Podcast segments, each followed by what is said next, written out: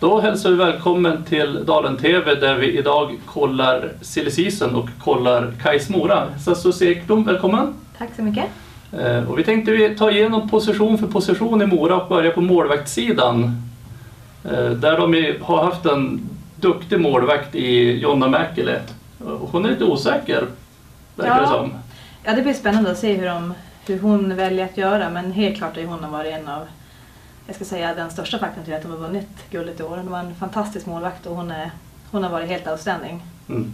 Eh, Målvakten Amanda Hill var ju skadad under säsongen som har plockat in Laura Wisniewska, tror jag hon heter, eh, som backup. Man såg ju under SM-finalen när Mäkelä blev skadad, jag vet inte om du såg oron som spreds i Moralägret också lite grann när de fick den smällen. Ja, ja, men det är klart att en sån spelare, skadas en sån spelare så är det klart att det påverkar laget även fast man inte vill visa det utåt. Men helt klart tror jag att det var många som var oroliga i, i den sekvensen i matchen. Mm. Det var det. Tittar vi backsidan så flyttar Silvan Nötzlich hem efter att få vunnit sitt efterlängtade guld. Hon skulle vara kvar tills hon vann guldet hade hon sagt i tidningen tror jag. Ja, ja men det har jag också, jag har hört rykten om det, att det är så hon har pratat, att hon vill, hon vill vinna ett SM-guld. Eh, sen går det inte att komma, det blir ju ett stort tapp för, för Mora. Hon, har ju, hon står ju för otroligt mycket i speluppbyggnadsfasen och sen framförallt är hon ju en, en offensiv kraft som få backar i, vi har här i Sverige. Hon, hon är otroligt duktig framåt så att det är klart att det kommer, det kommer märkas att hon inte är kvar. Väldigt viktig för deras powerplay också. Ja, oh ja. Hon har varit Oh ja. jätteviktig. Mm. Moa Köpp verkar också lite osäker, kommer inför säsongen från Djurgården. Mm. Eh, också lite frågetecken Ja. om hon blir kvar eller? Ja, hon hade ju också en, en, en säsong, det, det, ja, hon kom igång efter jul känns som att då kom hon igång och visade sitt rätta jag. Mm. Också en otroligt duktig back offensivt som har ja, snabb och många kvaliteter offensivt. Mm. Vad det verkar så verkar, blir ju Engstulen kvar, Elin Reinestrand, Martina Löv. De har ju en ryggrad ändå men Mm. de här offensiva spetsbackarna är kanske Moa Köpp och eh, Silvana. Ja, ja, de är ju offensiva krafter. Sen har vi ju också där, jag tänker Elin Reinersson Mm. som också är duktig offensivt. Och sen så Tona Einstulen är en sån som kan vara väldigt bra offensivt. Och hon är kanske en sån som kliver fram ännu mer. När... Och ännu mer förtroende Ja, också. precis. Eh, De har klart med Amanda Ahola från Huddinge. Mm. En eh, snabb back, riktigt snabb back och det känns verkligen som ett eh, framtida landslagsnamn där. Hon har varit med i U19 eh, och det känns som hon kommer nog få ta på sig den, den blågula dressen även i A-landslaget om några år tror jag. Otroligt duktig och som sagt en snabb back som också gärna tar offensiva rider. Mm. Det ryktas om Dragana Mircic som har tidigare spelat i Mora. Mm. Eh, På väg tillbaka, fysisk, en fysisk spelare. Ja, hon är en sån som gärna tar sargdueller. Hon ger- backar inte undan och smäller gärna på. Så att, eh, ja, får vi se. Spännande att se hur hon gör om hon stannar i Falun eller om hon går tillbaka till, till Mora. Mm. Tittar vi framåt så eh, Rebecka Mårtensson som har varit utlånad under säsongen till Malmö blir kvar i Malmö. Mm.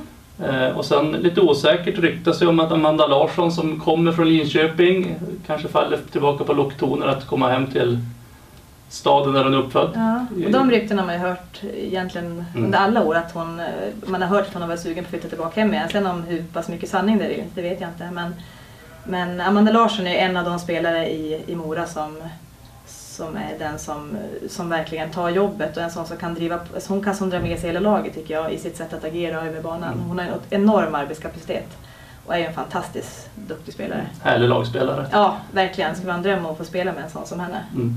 Johanna Hultgren är också en spelare som det pratas om nu. Mm. Eh, ryktas till Iksu, ryktas till Pixbo, ryktas till Rönnby. Eh, frågan är, var Ja. hamnar hon? Får se vad det, vad det blir där. Det hon är också en, absolut en framtidsspelare. Hon har visat redan nu att hon är en, en väldigt bra spelare. Sen, eh, ja, får se om vad som, varför hon vill byta, om det är så att hon vill ha ännu mer förtroende eller inte. För det är så att Mora har haft ett otroligt stjärnspäckat lag och det har kanske inte varit lätt att ta plats på två femmor där.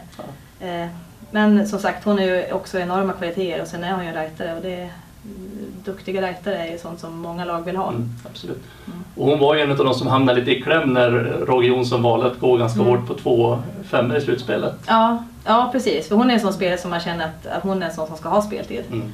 Eh, Men som sagt, det, det är en tuff konfer- Det har varit jättetuff eh, konkurrens i det laget så att ja, det är nog Mm. inte lätt att vara Roger alla gånger. Och när vi pratar just om Roger så slutar han efter, ja, jag vet inte hur många år han har varit i Mora. Det, jag kan inte minnas ett Mora utan Roger Jonsson i båset. Nej, Han har varit med, jag vet inte vad det var, nio år han har varit med. Han var väl med och tog upp laget till SSL och så ska han, ja han har varit med under hela deras resa så det känns ju jättekul för Roger att han fick, att han fick sitt SM-guld. Att han fick göra det. Så det blir också spännande att se hur laget eh, kommer stå sig nu utan Roger. Mm. Eh, det kan ju bli en positiv situation att man får en ny, ny röst, en ny förändring så. Men det kan också bli så att det är många som, ja det kommer saknas också Mm. någonting. Vi får väl se, det blir spännande att se vad som, laget står sig utan Roger. Mm, absolut. Man tappar även Anders Sunderby som blir coach i herrarna i Mora. Så Mm. Och in kommer Noel Alm Johansson från eh, Stenhagen.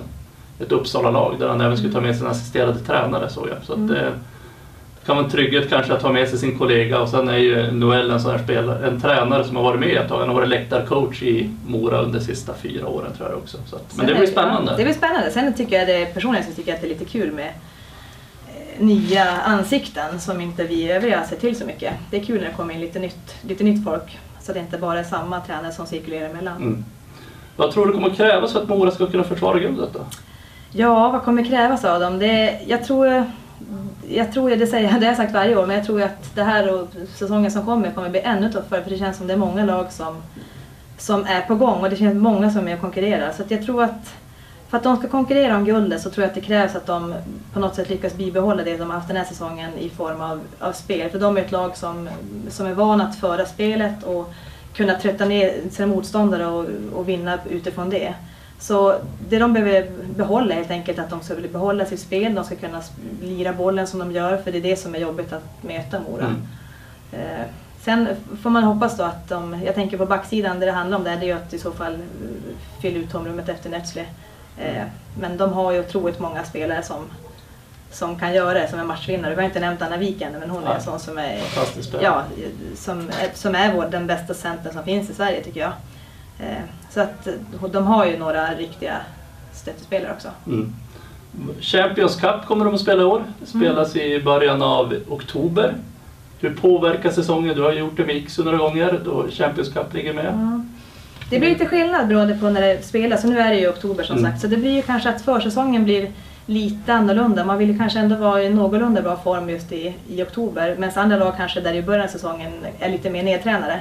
Så det som är skillnaden är om man ska vara med i Champions Cup är att man vill, vill ha lite pigga ben och kanske inte vara så nedtränad där i oktober. Så det blir väl kanske att man lättar upp träningen lite grann innan och det är fokus på Champions Cup i början av säsongen. Och sen efter det så kan man fokusera ännu mer på serien då. Mm. Och där valde ju Mora inför i år lite grann att man skulle vara redo efter jul. Pratade Mm. man mycket om. Man körde inte så mycket innebandy under försäsongen och gick in väldigt sent i hallen jämfört Ja. med många andra lag. Så det blir en annorlunda. Ja det blir det, fast det tycker jag inte syns på Moras spel. Jag tycker de, de är det lag som har haft en, en jämn kurva hela säsongen. De har ju spelat fantastiskt bra från, från första match till sista Mm. matchen, ska jag säga. Absolut. Mm. Eh, nyckelspelare i Mora, du har nämnt Anna Wik. Ja, det är ju, känner? Anna- man- henne måste man såklart nämna. Sen, sen var det ju kul att se att en sån som Tess Karlsson kom tillbaka Mm. nu i år och har varit ute efter hennes eh, sjukdom. Eh, att hon är tillbaka och hon är ju är en jätteviktig spelare. Jag tycker hon var ju matchens lirare i finalen. Mm. Har ju fantastisk teknik och är ju också en sån som springer och sliter otroligt mycket. Så det, var, det, var, det är kul att se att, att hon har fått göra en så bra säsong som hon har gjort. Mm. Låter bra. Tackar vi så mycket för det här programmet. Tack.